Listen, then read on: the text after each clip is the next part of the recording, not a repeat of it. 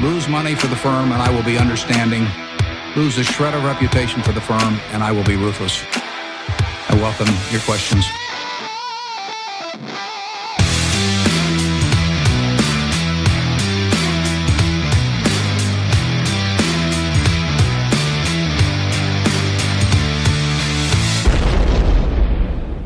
Välkomna till Kvalitetsaktiepodden. Det är jag som är Ola. Och det är jag som är Klas. Och det är jag som är Ebba. Eh, Det här är avsnitt nummer 16 som spelas in på eftermiddagen på Norges nationaldag den 17 maj. Idag gästas vi alltså Ebba här. Hon praoar hos oss några dagar.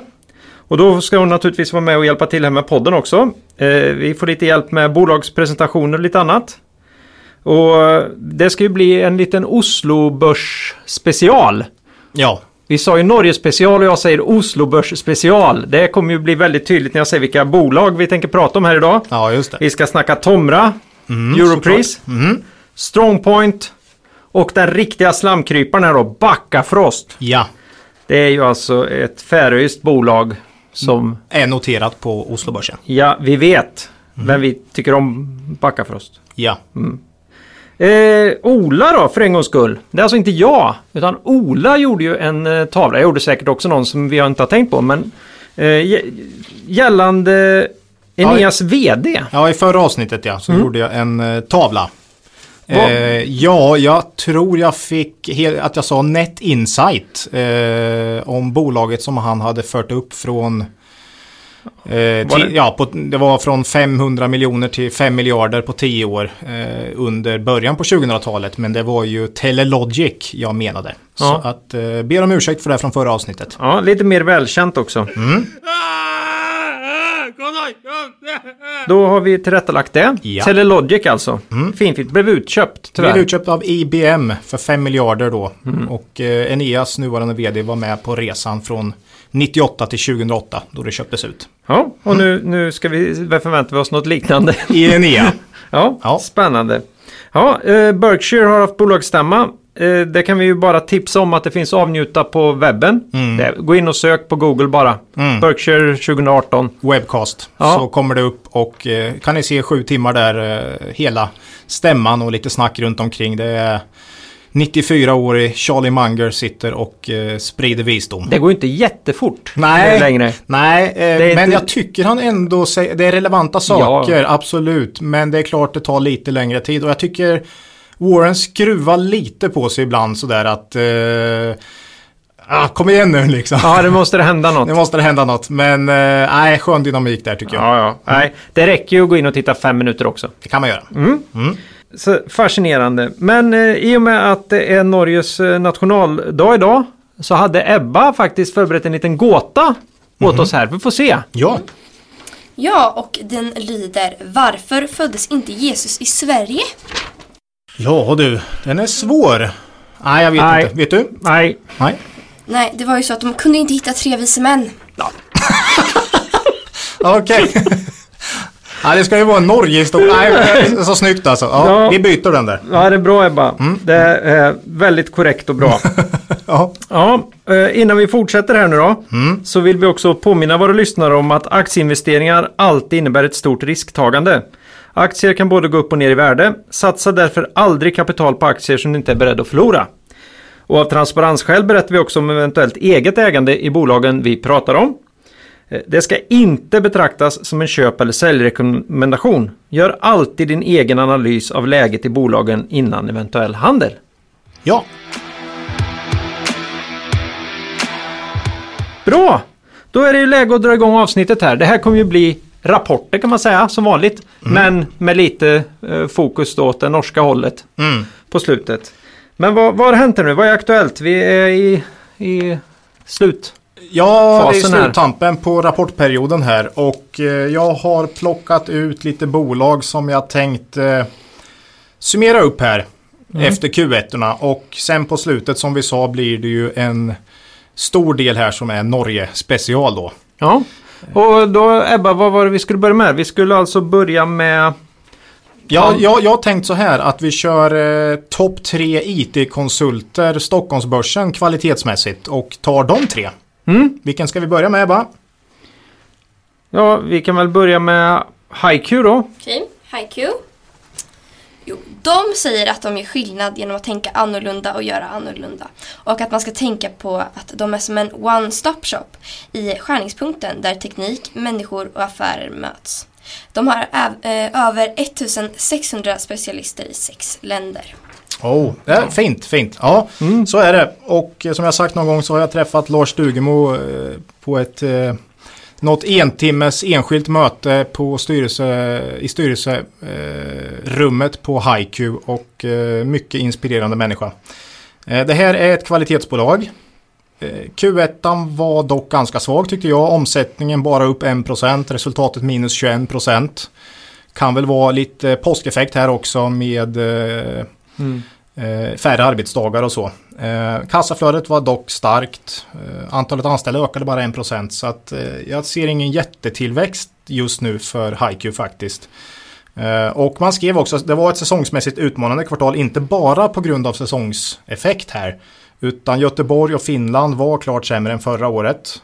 Förra årets Q1 var i och för sig brutalt bra, både omsättning och resultat. Så ja, nej, Q1 var ingen höjdare, men lite påskeffekt tror jag. Mm. Kollar man vinst per aktie för 2018 så kan den nog landa på 3,20 och då har vi P21 ungefär på dagskurs på 66 spänn. Eh, och det är ju väldigt, väldigt högt. Ja, de delar ut 5%, eller 5% i direktavkastning men man delar ut mer än vinsten. Man har i och för sig starkt kassaflöde och nettokassa på 250 miljoner så det håller ju. Men eh, P 21 är ju väldigt dyrt. Eh, HiQ har vuxit 6% eh, i omsättning per år senaste 10 åren. Och man växer i stort sett bara organiskt och man har stabil lönsamhet. Alla år senaste 10 åren över 10% i ebit-marginal. Men man har faktiskt sänkt utdelningen några år så utdelningen är liksom inte ristad i sten känner jag. Mm. Så man ska liksom inte bara köpa det här som du har 5% direktavkastning och kan vara trygg med det utan ja, känns för mycket. Mm. Helt enkelt. Haiku blir ju, är ju någon sån här eh, måttstock egentligen för vad man kan göra som, IT, som mm. IT-konsult. Ja, de andra två IT-konsulterna vi ska ta här sen är väl nummer två och tre som jag ser det just nu på Stockholmsbörsen vad gäller kvalitet på på IT-konsulter. Men eh, som sagt, HiQ har bäst stabilitet i lönsamhet och högst lönsamhet. Aktien är plus 12% i år inklusive utdelning så det har ju gått bra. Eh, affärsvärlden satte sälj igår tror jag på mm. HiQ. Så de är lite inne på vårat spår där. De satte riktkurs 60 spänn, alltså 10% under dagens kurs. Jag tycker nog 55 är rimligare egentligen. Eh, trots jättevälskött så nej, det är för dyrt. Mm. Man, eh, man värderar som något förväntansbolag men vi vet inte vad vi väntar på. Nej, alltså de, har ju, de, de förvärvar inte så mycket. Mm. Så att de har oerhört stabilitet eh, och det är inte så stor risk. Men det är heller också det där att de är i Norge, eller de är i Finland och Sverige och Danmark eh, framförallt. Och de har liksom inte gjort någon europeisk resa här riktigt än. Så... Mm, de kanske inte är sugna på det heller. Nej, Nej. Så, att, eh, så är det. Ja, det var HiQ då. Eh, de skulle vi följa upp med Akando, Ebba. Yes. Akando är ett IT-konsultföretag med 1800 anställda är verksamma i Sverige, Norge, Finland och Storbritannien samt har leveranscentra i Indien och Lettland. De erbjuder ett urval av tjänster och lösningar.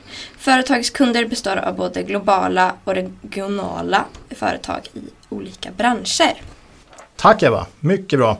Eh, stämmer, de har faktiskt gjort ett förvärv nu också sedan det där eh, eh, som du skrev har gjorts här. Så att de är faktiskt nästan 2000 anställda nu. Oj. Eh, gjorde ett förvärv i Tyskland här eh, efter årsskiftet. Så de är ytterligare lite större, det vill säga större än HiQ, klart större än HiQ. Eh, I Q1 så ökade omsättningen 13%, ebit plus 1%. Så precis som HiQ så sjönk lönsamheten lite och det beror ju förmodligen på att konsulterna helt enkelt har varit lediga men man har samma lön va, för mm. eh, eh, Ofint av dem. Ofint av dem ja. Mm. Bra kassaflöde eh, och som jag sa då flera förvärv senaste året. Bland annat Tyskland. Eh, man har ju kommit mycket längre än HiQ i sin europeiska expansion här. Man har ju Tyskland och man har Storbritannien bland annat. Och ja, lönsamheten var sämre precis som HiQ som jag sa. Så förmodligen någon påskeffekt här. Vinst per aktie gissar jag på ungefär 2 kronor för 2018 och då landar vi på P 16. Direktavkastning på 4,5% och man delar inte ut hela vinsten som HiQ gör. Eh, man har bra kassaflöde men inte, man har ingen nettokassa, man har noll i nettoskuld ungefär. Så bra balansräkning. Nej, man kan uppenbarligen tänka sig lite förvärv också och då Ja, behöver man lite krut. ja och eh, till skillnad från HiQ så har man ju faktiskt vuxit en hel del via förvärv eh, historiskt. Eh, totalt har man faktiskt exakt samma omsättningstillväxt sista tio åren som HiQ, 6% i snitt. Ehm, man har något, eller man har klart svagare lönsamhet än HiQ historiskt. Men nu är inte skillnaden så stor. Nu ligger man på 10% och HiQ på 12%. Så eh, ja, Akando är uppe där och nosar på första platsen men hamnar väl tvåa då, skulle jag säga. Ehm, ja, aktien är plus 21% i år, inklusive utdelning. Så att, eh, och den har ju bidragit till våran buy and hold-portfölj här som har gått bra också. Ehm, P16 känns väl rimligt värderad men om du kollar sista tio åren så är det absoluta toppmarginaler nu och det är ju högkonjunktur. Eh, Man skulle ju ha köpt IT-konsulterna för fem år sedan. Det är väl så man kan säga. Då de värderades till P12-13 på, eh, på bottenmarginaler. Va? Istället för att köpa till P16 på toppmarginaler. Så, så det är väl min, eh, min take på det Vi, hela. vi här. kan väl utgå från att våra lyssnare har gjort precis det Ola. Ja, att de köpte för fem år sedan. Ja. Ja, vi hoppas det. Vi hoppas det. För då har ni haft en fantastisk resa i de här IT-konsulterna. Som är stabila och bra tycker jag ändå. Och var väldigt underskattade som bransch. Men det kanske hade att göra med IT-kraschen. Det tog lång tid innan det blev acceptans i det där på något sätt. Sådana sår läker ju inte lätt. Alltså. Nej, det det var P10-12 på jättemånga IT-konsulter under lång tid som hade bra kvalitet. Mm. Ehm, ja, Ja, det så var, kan vi säga. var man Acando eh, hyggligt väl prissatt av börsen idag då. Ja, hyggligt ja. Och då tar vi väl nummer tre här då som, eh, som jag tycker är kvalitet. Ebba. Ja, Softronic det är ett svenskt IT och managementsbolag. Bolagets eh, tjänster omfattar allt från rådgivning i projektets inledningsfas till leveransansvar för projektsmål. De har växt från 5 till 500 anställda på 34 år och är sedan 1998 noterade i Stockholmsbörsen. De arbetar med bolag i Sverige. Ja, det var lite nytt för mig med där. 34 år. Ja, det är ju kvalitet. Det är sånt man vill höra. Mm. Funnits länge alltså. Eh, och här var ju Q1 lätt bland det bästa i IT-konsultsektorn och klart bättre än både Acando och HiQ. Man växte 16% i omsättning och, den, eh, och ebit steg 50% trots påsk då. Mm. Så att här är det ju, de har ju nått på spåren helt klart. All tillväxt var organisk också. Efter 34 år Efter faller, Det, 34. faller det på plats. Det Ja. hade, Mm. såg vi inte den komma. Nej, Eh, antal, antal anställda upp 6% bara så att det är starkt öka omsättning med 16%. Man pratar lite om att man har lite systemlicenser eh, och sånt också och får eh, att det kommer in här SAS-licenser och så faktiskt. Så eh, mm, det, de, det kan vara lite ny omsättning som är på väg in i, i Softronic med faktiskt. Eh, ja, ruggigt starkt första kvartal här. Jag skissar på 1,20 i vinst per aktie för eh, 2018 och då har du P15 här. Direktavkastning 4,2. Nettokassa på över 100 miljoner. Det här är ju väldigt finansiellt stabila bolag alla tre med bra kassaflöde. Eh, som man borde ha köpt tidigare. Det är så jag känner. För Softronic är nämligen upp Ja, jag tror den är upp 100% senaste 12 månaderna och 50% bara i år. På, det här, på de här fem, ja det är ju fem, fyra och en halv månad. Inklusive utdelningar då. Man har lite bättre historisk tillväxt än eh, Acando och HiQ senaste 10 åren men man är också mycket mindre. Som Ebba sa, man är 450 anställda och HiQ och eh, Acando har ju nästan 2000 då. Så man är ju mycket mindre och det är ju lättare att växa från en mindre start så att säga. Eh, man har framförallt vuxit organiskt nu sista åren men man gjorde ett förvärv 2011 av modul 1 som ökade omsättningen ganska rejält men det kändes inte som något jättelyckat förvärv och drog ner lönsamheten en hel del faktiskt under några år. Eh, ja, jag tycker P15 det är rimligt värderat. Det är ett bra bolag, välskött. Men man är också lite mindre och precis som Macando känns inte jätteroligt att köpa i högkonjunktur efter en uppgång på 100% på, på ett år. Det är toppmarginaler och ja, det, de här vill man köpa till P12 i lågkonjunktur. Det, då är det ju bra. Mm. Det är så jag känner. Men det gäller att vara med då och veta vad de håller på med och hur det går för dem. Det är det här som är lite jobbigt ibland och, Ja, och, ja precis. och syssla med den här typen av bolag. Ja, men Ja. där har vi väl Stockholmsbörsen topp tre IT-konsulter enligt mig då. HiQ, Acando och Softronic. Mm. Mm. Då är det så att vi skulle ta ytterligare eh, tre lite snabba, snabba rapportnedslag här. Mm. Innan vi, eh, innan vi går över till Norge-historien så att säga. och eh, då undrar vi eh, här, ska vi säga börja med Pandora? Vad kan vi göra? Mm. Pandora är ett danskt företag som tillverkar, designar och marknadsför smycken i framförallt silver, guld, ädelstenar och ma- Murano-glas. Ja, det här har vi ju pratat om flera gånger i podden. Och vi ska... Jag tyckte jag kände igen. Ja, ja. Nej, vi ska ta det snabbt här. Vi ja. pratar mycket om eh, Pandora. Mm. Här var väl första kvartalet jag kände att det var lite grejer som gick emot. De tidigare kvartalen här vi har pratat om Pandora så tycker jag ändå det mesta som vi har fokuserat på har sett bra ut. Men nu kom ju Asien in väldigt dåligt här tyckte jag. Med ingen tillväxt. Och man skyllde det på piratkopiering mycket. Ja, ja, någon slags grå marknad. Mm, Eh, mm. Både att, att deras egna smycken verkar gå i eh, lite udda försäljningskanaler då eventuellt. Mm. Och, och, och sen naturligtvis eh, piratkopiering. Ja. Alltså det är inte bra för vi har ju haft det här att de växer snabbt i Asien som en av deras huvud, eh, liksom som drar caset Mm. här. Och dessutom då att andra typer av smycken, inte bara berlocker, drar tillväxten. Så det är de två sakerna man vill se och det är inte så bra om en av dem haltar här nu. Eh, omsättningen stod i princip stilla i Q1 här och, eh, men justerat för valuta steg den 6%. Eh, Svagare lönsamhet än förra året men man håller fast vid sina mål. 7-10% tillväxt i år justerat för valuta då. Och eh, en ebit-marginal på 35% och lyckas man med det så är P under 10 här. Mm. Och P under 10 på ett så stort eh, bolag med bra lönsamhet är ju väldigt, väldigt lågt. Ehm, ja, det blir betydligt bättre, lättare jämförelsetal i Q2 här och eh, det finns inte stora förväntningar idag, i- liksom i dagens kurs här. Så man måste ju ändå säga att aktien är fortsatt väldigt intressant. Analytikerna har uppdaterat lite här efter rapporten såg jag och de flesta ligger på mellan 7 till 800 kronor i eh, riktkurs och det är ju liksom 50% upp från dagens kurs. Mm. Så att alla ligger där uppe men kursen står på 530. 30. Mm, något sånt. Ja. Ja. Ja. Det, här, eh, det här, här är det nog svårt att hitta botten i det här bolaget. Eh, Man har ju en tradition av att ha väldigt svagt förtroende från marknaden egentligen. Mm. Ja, så, så är det. Så ja, det är... Ja, följetongen fortsätter. Ja, Eh, vi får se vad som händer.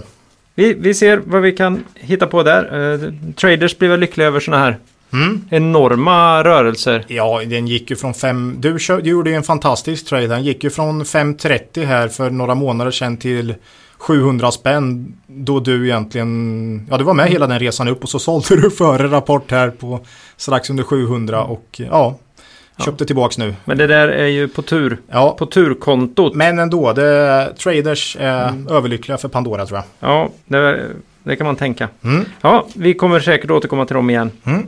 Eh, det var dem. Eh, ska vi ta... Eh, några Price. som, ja, Pricer. Pricer, Har inte pratat så jätte sen vi hade specialen va? Om... Teknik i butik. ja. Mm. Pricer. Ja, Pricer gör programmerbara prislappar som sitter på hyllkanten i affärerna. Och hittills har de sålt fler än hun- 165 miljoner ele- elektroniska hyllkantsetiketter till 16 000 butiker i 50 länder. Oj, ja. också mer än vad jag trodde faktiskt. Intressant. Eh, ja. Internationellt bolag. Ja, eh, och det här pratade vi om senast då. Eh, och eh, jag, eh, konklusionen sist jag pratade om det var väl kanske ett utdelningscase här tror jag, om jag kommer ihåg rätt. Q1 var stabil, omsättning plus 3%, ebit plus 25%, oförändrad orderingång men högre orderstock. Så att det var helt liksom, det var, det var bra siffror, absolut. Eh, nästan än mer intressant var ju en jätteorder som kom in här i måndags från Best Buy i USA. Och det är den första riktigt stora ordern i USA. Som blir det här liksom ett teknikskifte som får fäste i USA så har de ju något jättestort på gång. Eh, Ja, jag förundras fortfarande över eh, hur, hur få affärer som, eh, som har det. som har det. Vi, pratade med Ebba här när hon tittade på bolaget. Du hade aldrig... Du hade aldrig sett några sådana här? Nej. Nej.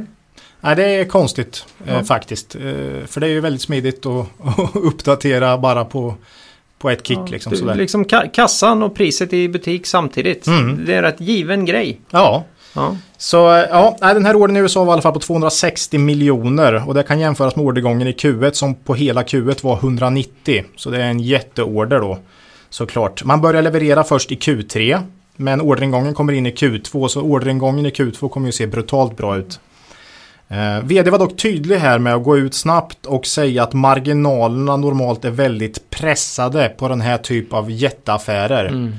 Så mm, ja, frågan är vad det landar i i vinst här. Eh, Vad- hur mycket av den här omsättningen rinner ner till sista, raden? Ja. Nej, jag håller nog fast vid vad jag sa här i, från november eller när det var vi pratade om pricer. Jag håller nog fast vid att man gör 50 öre i vinst per aktie i år. Mycket högre omsättning än vad jag trodde men lägre marginal. Mm. Det är min gissning. Eh, och då är vi på P 18. Kassa på nästan 200 miljoner och direktavkastning på 5,5 procent. Så där har du ju bra grejer faktiskt. Eh, Men P 18 det, det behövs ju att det kommer tillväxt här och det stora det stora farhågan jag känner är just det här vad händer med lönsamheten i Pricer. Bruttomarginalen har gått från knappt 40% för 10 år sedan till nu lite drygt 25%. Så samtidigt som man har ökat omsättningen så går lönsamheten ner ganska rejält. Det blir billigare och billigare, priserna pressas. Mm. Så eh, ja, organisk fin tillväxt nu. Men eh, vad händer med vinsten? Det är den stora frågetecknet i Pricer tycker jag. Annars tycker jag det är en ganska intressant bolag faktiskt. Du har ju, man har ju återigen också det här med hela om, omställningen av retail naturligtvis. Det ligger också där såklart. Så att, ja, lurigt men eh, de kämpar på bra. Kämpa på bra Ja. och tillväxten kommer ju absolut bli bra i år. Så är det ju. Får se vad lönsamheten landar på. Ja, Ja. Pricer. Ska vi ta ett till innan vi går över på Norge? Ja, Mm. det är ju en eh, kvalitetsaktiepodden favorit och personlig favorit och Mm. eh, ja, Ebba. Ja, BTS. Ja, och de jobbar med att ge stöd åt världsledande företag i verkställande och av strategier, ledarkunskapsutveckling och försäljning. Deras huvudsakliga marknad är Nordamerika och Europa. Just det. Och jag var uppe på stämman här i veckan och... eh, Ja, igår. Igår ja. Och kan säga att det var inte så mycket slipsar som eh, man kan tänka sig utan kostym var det men det var eh, uppknäppta skjortor och eh, klackarna i taket. Det var Mm. till och med svenska jordgubbar tror jag på som man kunde ta där och, och mumsa på. Jag vet inte hur de hade fått fram dem men Ja, nej, jag sa ju det. Det måste vara, det blir den nya Leo Vegas-festen. ja, jag hoppas inte det här syns i Q2an sen för då Ja. ja, det är hårt. Eh, BTS ökade omsättning med 9% i Q1. 15% justerat för valuta dock.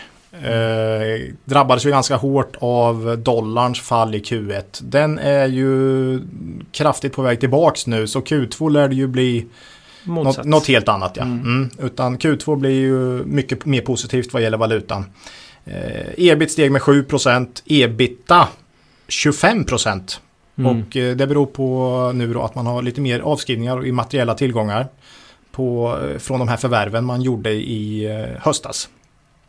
Vinst per aktie upp 10% så lite mer än ebit och det är ju på grund av Trump då. Eh, mycket. Eh, väldigt tuffa jämförelsetal hade man i Q1 men som sagt eh, Q2 ser betydligt enklare ut och dessutom slår ju valutan tillbaks nu då. Jag tror resten av året kommer se klart bättre ut än Q1 och Q1 är dessutom det minsta kvartalet för BTS, klart minsta. Man har fortsatt, fortsatt stark balansräkning med nettokassa. Eh, Jag tror på 6 kronor ungefär i vinst per aktie för 2018 och då har vi P17. EV ebita på 11. Direktavkastning knappt 3% Man har vuxit cirka 10% per år sista 10 åren med mycket stabil lönsamhet alla år över 10% Man har ju långa kundrelationer och eh, ja, det finns en stabilitet här, helt klart. Eh, Man har tillväxtmål nu sedan två år tillbaka på 20% per år. Så att, eh, och man ser att tillväxten är på väg upp. Man har ju börjat jobba mer med förvärv här helt klart. Och det är ju det som är strategin och det är jag helt öppen med. Ja. Man ska förvärva sig den här tillväxten. Man ska förvärva sig ytterligare då. Man ska gå från kanske 11% vad man har haft till då 20% mycket genom förvärv här eh, också. Ja, jag tittade ju lite, var ju med och tittade på conference callet där innan. Mm. Eh, Det, här, det här faktumet att de fortfarande inte har, har 1% ens av Världsmarknaden. marknad, världsmarknaden trots att man är en global spelare. Så det är Mm. klart att och en jättefragmenterad marknad. Ja, Så att eh, det uppköpskandidater finns det. absolut. Och man fokuserar ju extremt, extremt mycket på företagskultur. Att man, Mm. att man försöker hitta saker att köpa som redan liknar och har liknande värderingar som BTS har. Mm. Och man sa på stämman nu också faktiskt att korsförsäljning har redan börjat ske med de här förvärven. Att dels gamla BTS har kunnat sälja på de här företagens kunder redan nu då efter sex månader. Och man har kunnat få ut coachdelen på BTS kunder. Så att eh, åt båda hållen här. Så det ser väldigt lovande ut. Framåt som sagt tillväxtmål på 20% och ebita på 15%. Här låg man på 11% ebita för 2017. Så man har en del att göra uppåt på marginalen med tror man faktiskt. Det här är en aktie som jag tycker bör värderas till P20 med tanke på kvaliteterna här och stabiliteten. Så det finns en viss uppsida här tycker jag eh, i BTS. Eh, bra sådana här buy and hold-bolag och vi har ju också med den i vår buy and hold-portfölj. Mm. Ja, Fortsätter att bevisa sig. ja, Mm. inga plumpar. Nej, bra. Mm.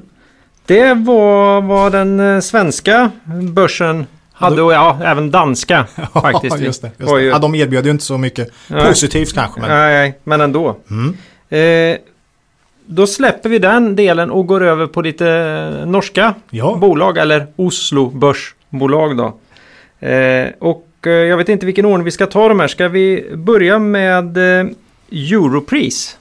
ja, Europris, det är en norsk handelskedja som är lite som ÖB och Rusta Tillsammans. Affärskedjan startade 1992 och är idag 26 år gammal. Ja, och jag vet faktiskt att de har ökat omsättningen varje år sedan 1992. Så här har vi ju kvalitet va, det är ju helt uppenbart.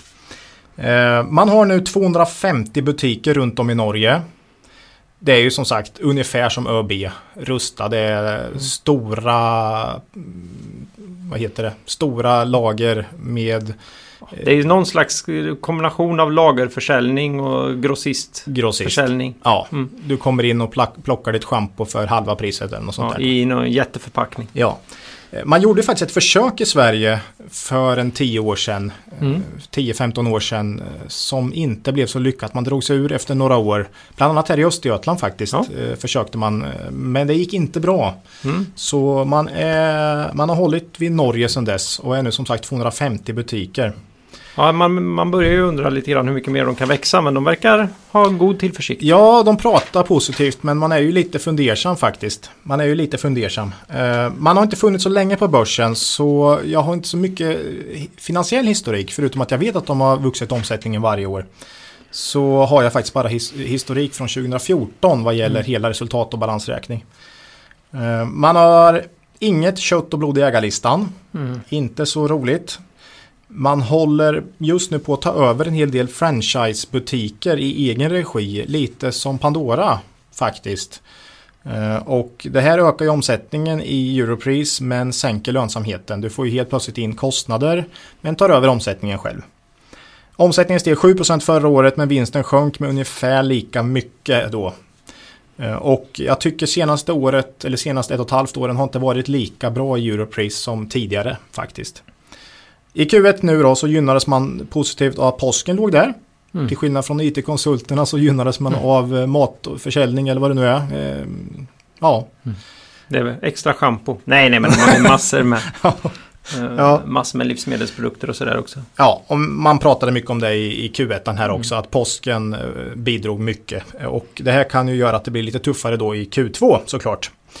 Ehm, Men om man kan hålla lönsamheten i år eh, trots att man då tar över en del franchisebutiker och sådär så och kanske kan nå en ensiffrig hö- hög, hög ensiffrig tillväxt så kan du nog landa i vinst per aktie på 2,50 och då snackar vi P11 på Mm. dagens kurs.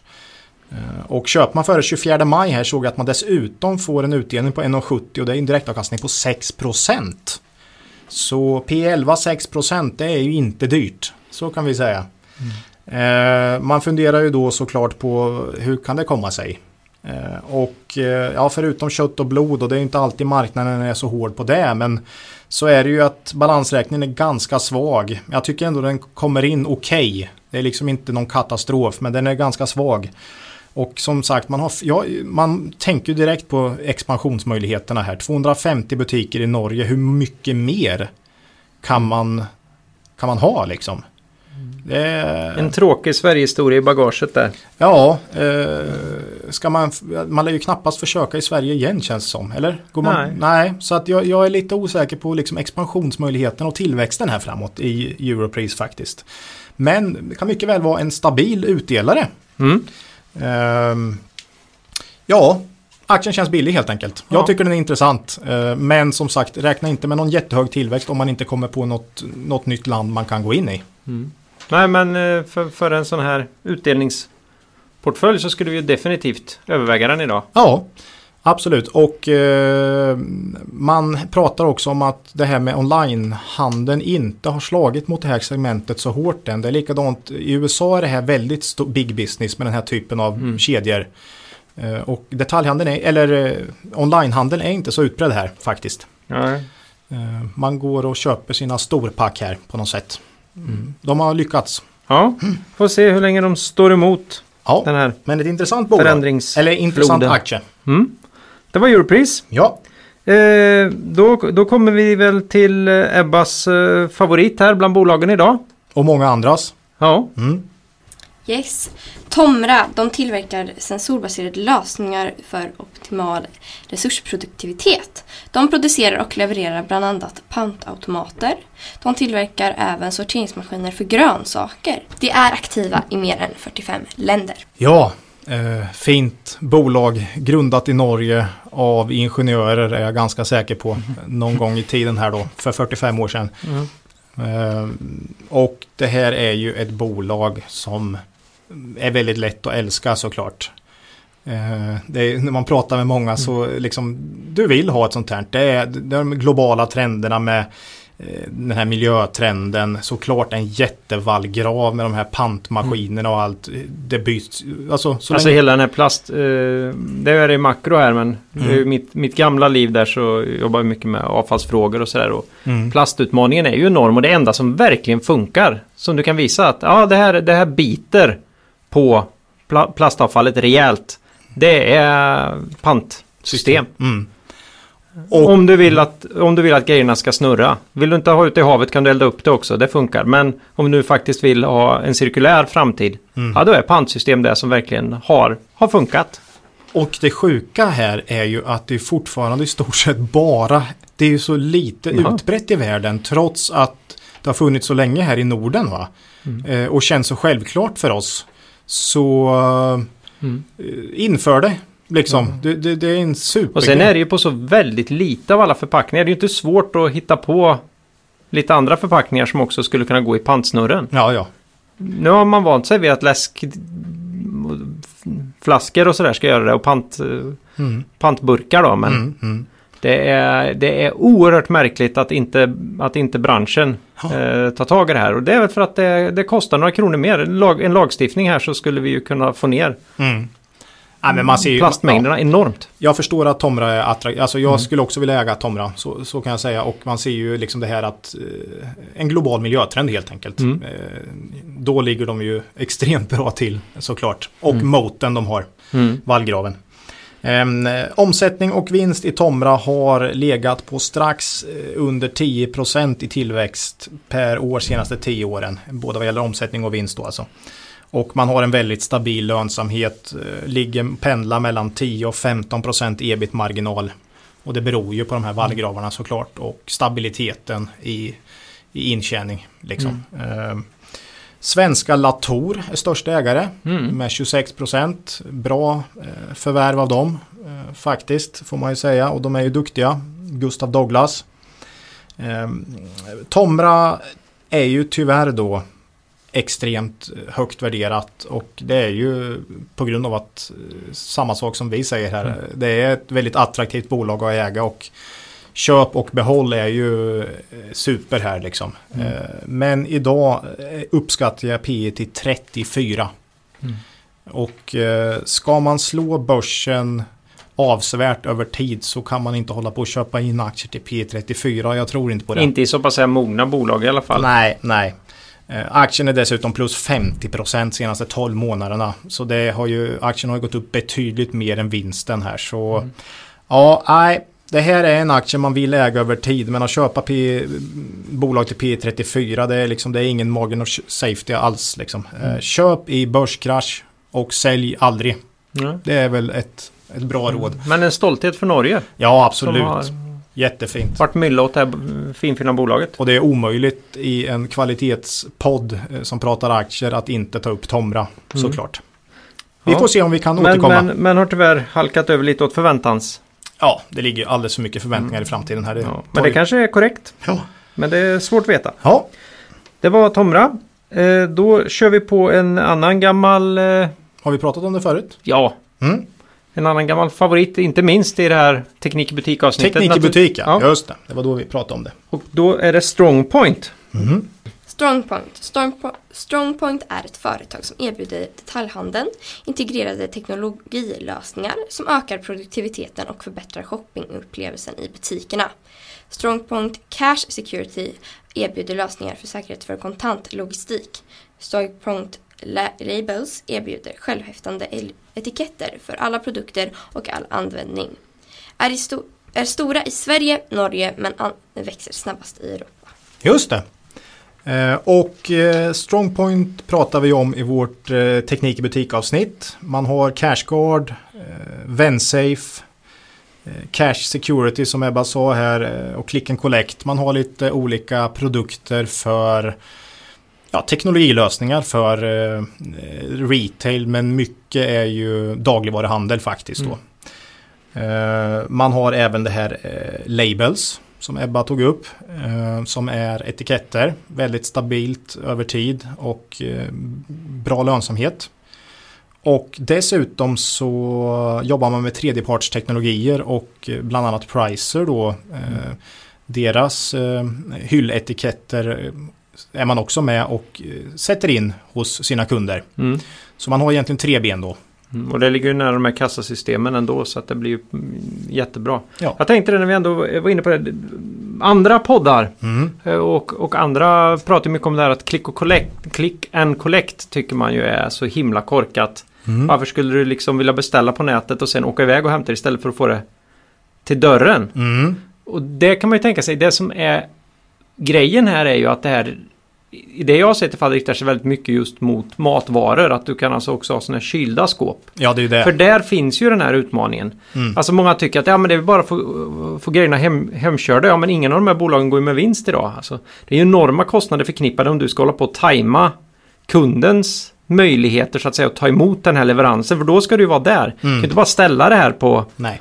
På, på, på trappen va. Utan de här grejerna behöver ju, ja, bru- obruten kyl, kylkedja om inte annat är ju en viktig sak här. Ja, Den, den aspekten på det. är Sen- oerhört viktigt såklart. men, men, men däremot om jag, om jag ska köpa ett par brallor, ja då har jag svårare att förstå varför jag Mycket svårt. ja, ska åka till någon annan, annan punkt. Men i click, och, click and collect, jag måste ju ändå åka och hämta grejerna ofta på posten och sådär. Mm. Av samma anledning, för jag är helt enkelt inte hemma och grejerna går inte ner i min brevlåda. Just Nej, det finns någonting här. Sen eh, kanske, det, kanske de här produkterna vi har, ser idag Mm. inte, inte är de som är helt anpassade. Men det kommer finnas en marknad för den typen av boxar. Mm. Dit kunden som har ropat hem någonting på nätet kan åka och hämta det. Eh, och man är med där. Men vad det ger det vet jag inte. Nej, men man har mycket just click and collect för Mm. dagligvaruhandeln just nu då. Och det är ju chilled eh, som Mm. det står, alltså kylda fack.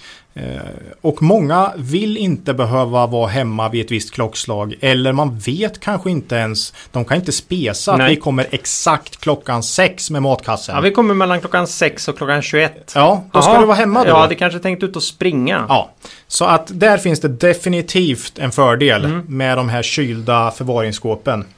Eh, senaste sju åren, jag har faktiskt inte längre statistiken så på Strongpoint, eh, så har både omsättning och ebita ökat med knappt 10% per år. Så det är ju helt okej. Okay. Mm. 2015 och 2016 var extremt bra för Strongpoint. Då både Norge och Sverige samtidigt tog in nya sedlar och mynt. Då. Eh, vilket gjorde ju extremt mycket för all service på alla cashguards i både Norge och Sverige. Och, så, och en hel del nyutbyte, alltså en del utbyten också till nya ja, maskiner. Ja, mm. eh, och uppdateringar och ny, eh, precis. Mm, mm. Så de här 2015-16 eh, sticker ut i den långa trenden. Det blev ju väldigt stor tillväxt och eh, hög lönsamhet, framförallt 2016 då. Så 2017 ser ut som ett mellanår här, helt klart om man kollar den långa historiken mm. då. Eh, man lade dessutom ganska mycket kostnader på flytt och iordningställande av ny produktionsanläggning för labels i Skåne förra året. Eh, och eh, det tog ganska mycket på lönsamheten framförallt under Q, första halvåret mm. 2017. Service då på alla de här produkterna man har och labels är väldigt stabila intäkter båda de delarna och det kan ju nästan ses som repetitiva intäkter. För har du väl fått in de här apparaterna, cashguard och så så är det ju inte så att en butik tar bort dem. För har du väl gjort investeringen så står apparaterna här och det är en väldig fördel för eh, kassörskan då att ha dem. Va? Mm. Så det här är repetitiva intäkter eh, och det står för över 50% av Strongpoints omsättning faktiskt. Så det finns en stor stabilitet här. Mm. Pricer har ju mer ryckighet för där kommer det ju ordrar hela tiden då va, som eh, slår på ett annat sätt. Men här har du mer stabilitet även om 50% är mycket projekt då va, så det kommer in en stor order och så. Eh, men det finns en stabilitet, helt mm. klart. Jag tror nu att man kommer kanske öka omsättningen och vinst för alla tre affärsområden under 2018. 2017 var ganska svagt som jag sa. Eh, både för egna te teknologier, Tredje part var ganska normalt och labels var svagt framförallt på grund av hela den här flytten då. Mm. Så jag tror man har bra chans att öka omsättning och vinst i alla affärsområden och jag gissar på en vinst per aktie på 75 öre ungefär för 2018. Och det ska jämföras med 23 öre bara för 2017. Mm. Men också går det till 2016 så var det 1,70 i vinst per aktie. Så att det var ju ett riktigt toppår där. Mm. Så någonstans där. Och på 70, det är ju en väldigt hög vinstökning i år då, jämfört med förra året. Eh, då landar P på ungefär 13. Stabil balansräkning, man delar ut över 5%. Man har inte sänkt direktavkastningen på de här sju åren. Man har en stabilitet i intjäningen och eh, jag ser inte att man ska behöva sänka den framåt heller. Så du har en direktavkastning på över 5%. PS nere på 0,4 och man värderas till 1,5 gånger eget kapital. Så det är en lågt värderad aktie helt klart. Man växer snabbast på kontinenten. Sverige och Norge står ganska stilla nu. Man har det man har och tjänar ju pengar på det och så men eh, man tar inte jättemycket ordrar på cashcard i Sverige och så mm. såklart. Men Europa, Spanien, Tyskland, Italien framförallt växer man fort vad gäller cashcard men även de andra. Baltstaterna växer man också i ganska rejält. Eh, på nedsidan här så är det ett vd-byte på gång. Mm. Eh, och dessutom så har du en viss ryckighet mellan kvartalen på grund av de här projekten, precis som i Pricer då. Att eh, kommer stora projekt in ett kvartal och sen inte i nästa så, så slår det ganska mycket då på, på omsättning och vinst. Jag tycker aktien känns intressant eh, och på dagens värdering så värderar man det egentligen helt utan stora projekt eftersom det inte har funnits senaste året egentligen. Mm. Så ja, jag tycker Strongpoint känns faktiskt som ganska intressant. Eh, marknaden kanske också, du, du, har ju sett det här på ITAB mm. och hela eh, marknadens tveksamhet inför allt vad gäller Eh, handel. Mm. Så jag tror de också har dragits med i det här ner då. Eh, för de var uppe på 15 kronor faktiskt och står ju nu under 10 kronor. Mm. Så, mm. många, må, alltså labels har väl gått lite under radarn också? Ja, labels, den sticker ut, den, den känns inte riktigt, eh, det är inte det man ser det första. Men där har du faktiskt en ganska stor del av vinsten i, jag tror en tredjedel av vinsten mm. ligger i labels. Och det är väldigt stabila intäkter. Mm. Och sen har du service och allt va. Så att ja, nej, jag tycker det är lite intressant med Strongpoint. Eh, faktiskt. Och direktavkastningen är ju väldigt stark också. Så. Mm. Mm. Ja. Eh, vi gör ytterligare en Strongpoint till Strongpoint här kan man säga. Mm. Eh, det var ju de tre norska bolagen i Norge-specialen då. Mm. Eh, för nu tänkte jag då dräpa till här då med det färöiska bolaget eh, Backafrost här. Backafrost odlar högkvalitativ lax i vattnet runt Färöarna. Bolaget är dock noterat i Oslobörsen som har många laxbolag, bland annat Mar Marine Harvest som är världens största. Mm. Ja, det får du ta Klasse. Ja, det här Ola Mm. har eh, jag funderat mycket på kan man säga. Mm. Det är ju den helt eh, dominerande laxodlaren på Färöarna. Å andra sidan kanske inte det säger så jättemycket. Jag tror man har tusen anställda ungefär. Färöarna någonstans runt 50 000 invånare utspridda Oj. Mm. på eh, ett antal öar där. Eh, det här är ju alltså, eh, Färöarna är ju en del av det danska kungariket. Jag vet inte hur nära det är mot det här brittiska bygget. Om man ska göra jämförelser där, men Australien står nog längre ifrån Storbritannien kan man tänka sig än vad Färöarna gör från Danmark. Man har vissa beroenden där och man har ju deltagande i parlamentet och så vidare. Eh, men man har varit någon, på något sätt självständiga sedan 50-talet ungefär då, Färöarna. Grönland har samma status mot Danmark. Eh, men man har alltså listat på Oslobörsen då, eh, där vi ju har eh, en fantastisk rad med laxodlingsbolag då. Ja, det ska vi säga. Det, Oslobörsen är ju olja väldigt mycket. Rå, eh, olja och lax är ju Mm. liksom två stora områden och jag ser det ju båda som råvarubolag egentligen. Eh, olika Försäkrings, försäkringsbolag finns det ju där också. Försäkringsbolag finns det Ja. också en hel del. De har ju vi väldigt svårt att värdera. Mm. Det är fruktansvärt svårt för oss. Vi får mycket frågor om försäkringsbolag och det var nog många som hade hoppats Mm. på att vi skulle plocka någon av. Buffett har ju dessutom tjänat oerhört mycket pengar på försäkringsbolag. Ja, Så- det gäller ju att äga då hela bolaget så att du kan kontrollera deras fria kapital då. Ja. Men eh, det blir, inge, blir ingen eh, försäkring här. Vi får se om vi kan återkomma någon gång. Men eh, vi, vi har lite svårt att hur, hur vi ska hantera dem kan man säga. Mm. Men, men om vi återgår då eh, till Backafrost här. Så är de unika på många olika sätt. De har en oerhört högkvalitativ odlad produkt. Man föder upp den här laxen på egentillverkat laxfoder som baseras på de fiskar som laxen äter naturligt. Så den produkten man i slutändan får här, även fast det är en odlad lax, så är den oerhört lik eh, smakmässigt då en, en eh, riktig lax eller en frifångad lax. Eh, man har de här fantastiska vattnen runt Färöarna. Jag tycker man ska gå in och titta lite på bilderna de har på sina kvartals och årsredovisningar. Det önskar ju alla bolag att man skulle kunna sätta på och mena det så att säga. Det här är de, det här är de öarna och de vattnen vi jobbar i så att säga. Eh, man kan ju då i de här vattnen kan man tillverka väldigt stor eller odla upp väldigt stor lax. Man har alltså en snittvikt på över 5 kilo vilket är enormt.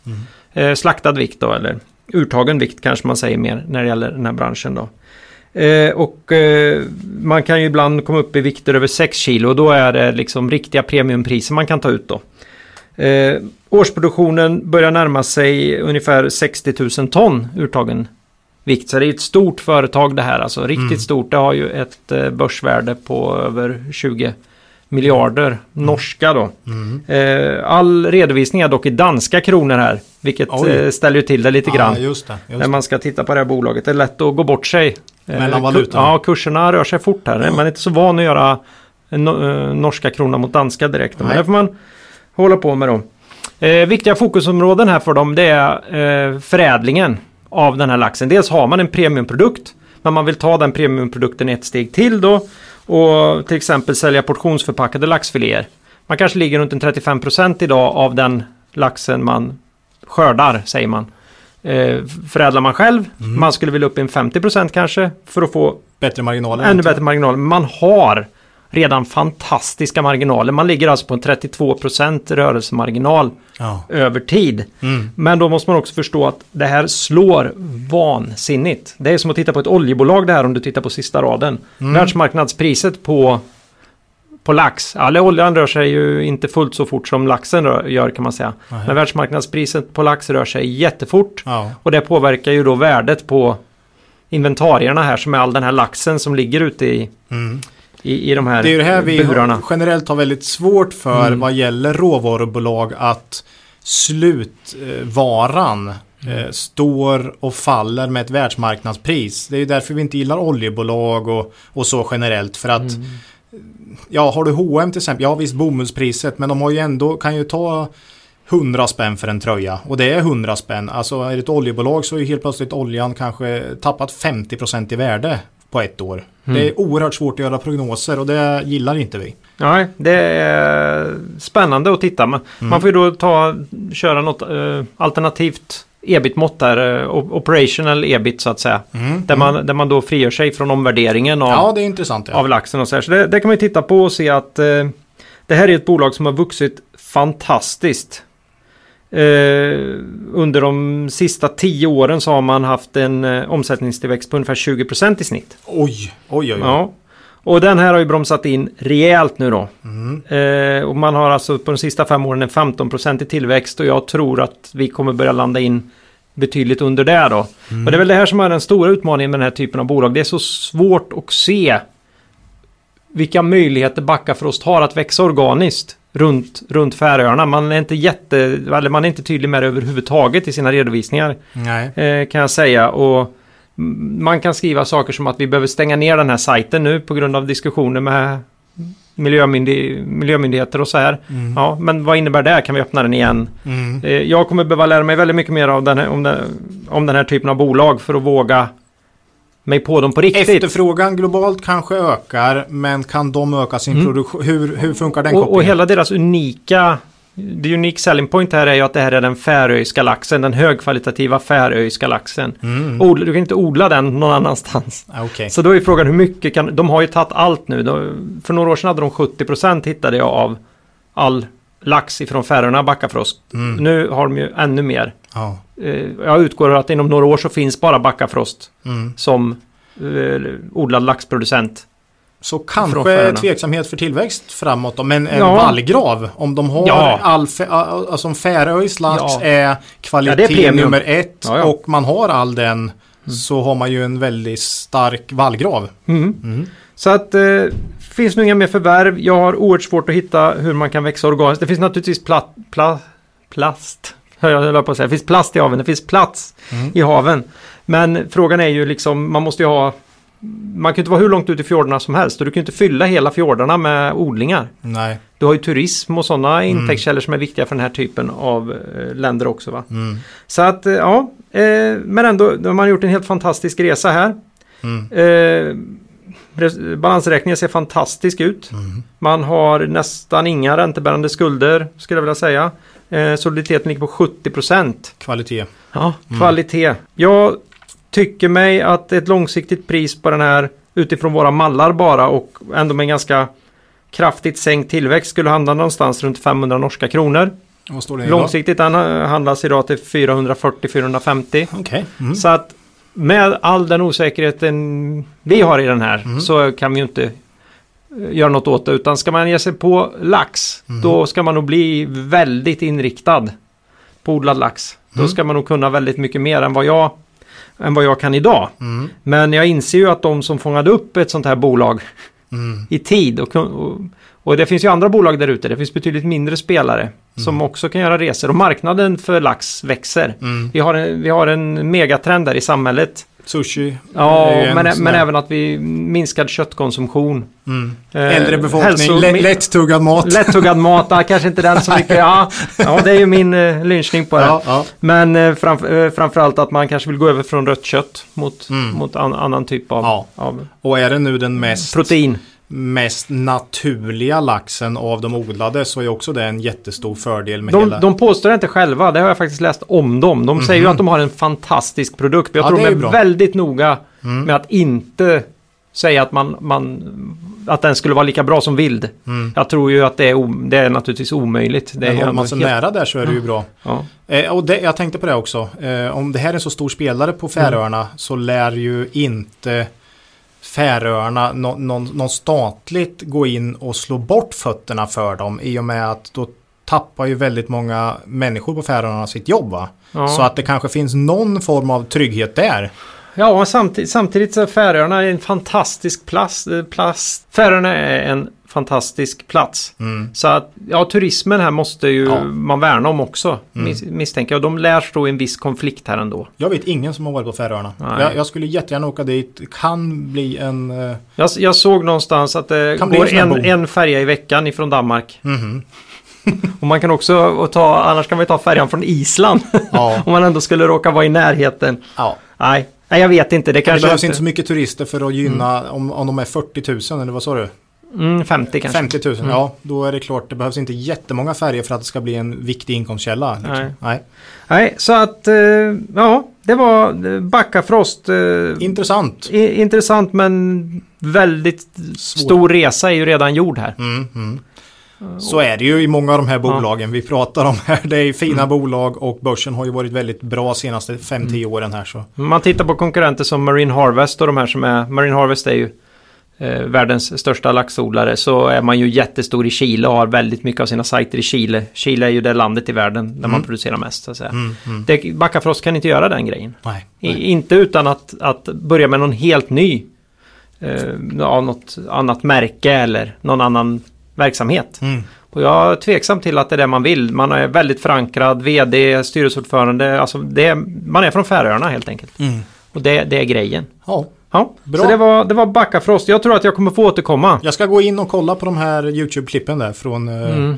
från Färöarna. Det lät lockande. Ja, det är vackert. Och där kan ni förresten också om ni går in på YouTube kolla på söka på Tomra och eh, tomatsortering. Gör Mm. det. Fantastisk eh, apparat de har som slår bort med någon form av ljus. eh, Känn, ja, den Ja, känner mm. av med ljus där helt enkelt vilka tomater som är röda och av andra färger och sorterar ut dem. Kolla på det. Ja, det är riktigt vackert faktiskt. Mm. Ja, det var vad vi hade.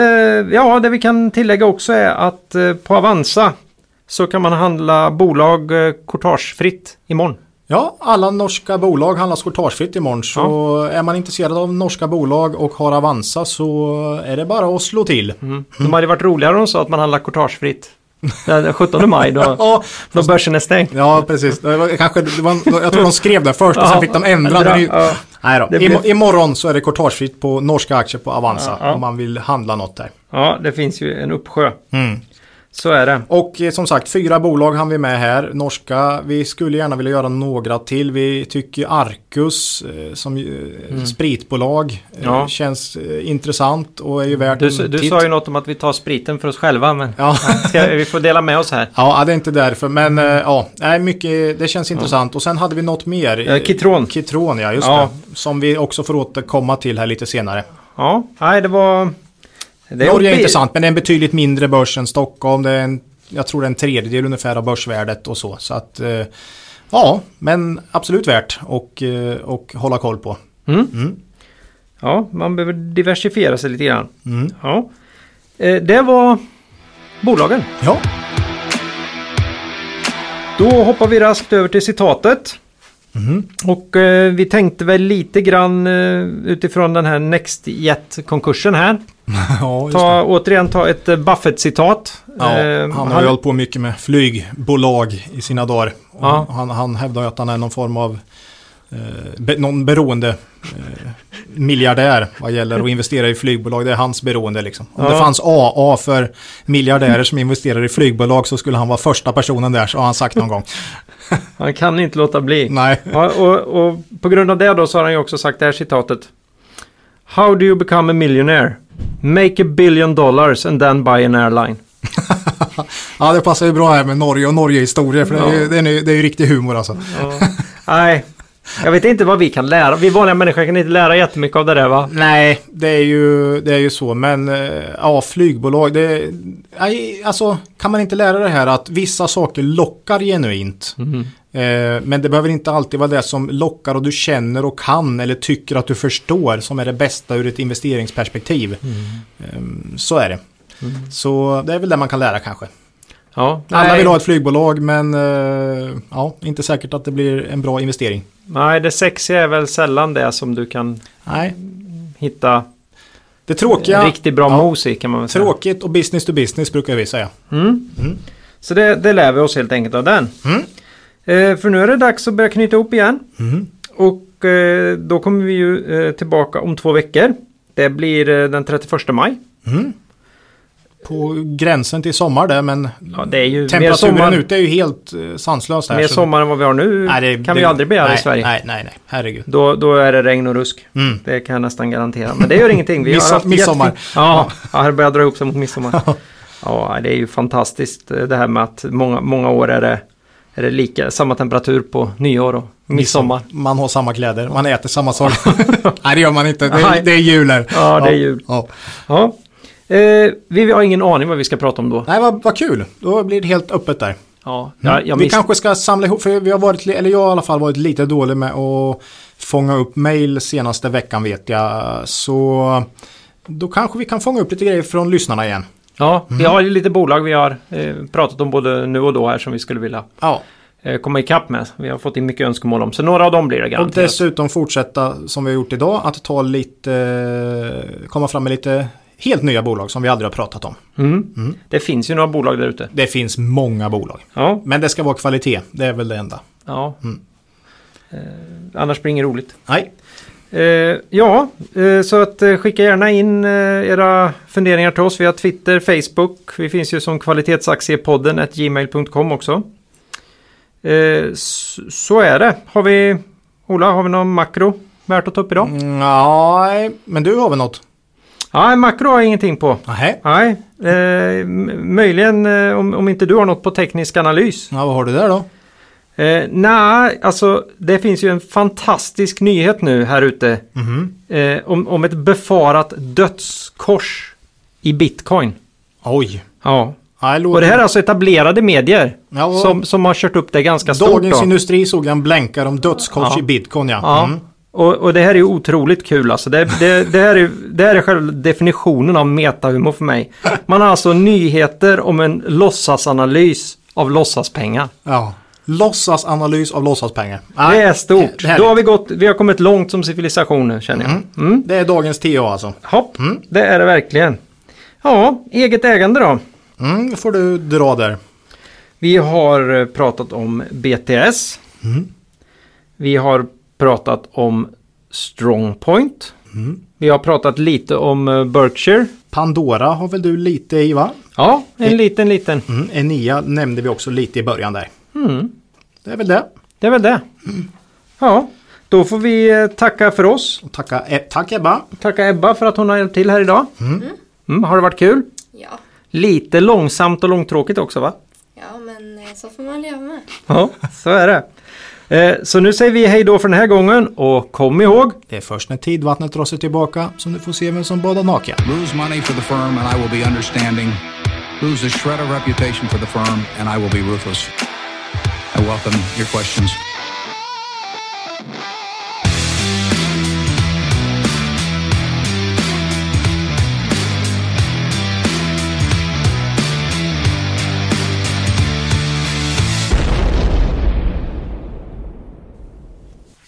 Vad var det där sista? Vi avslutar alltid så.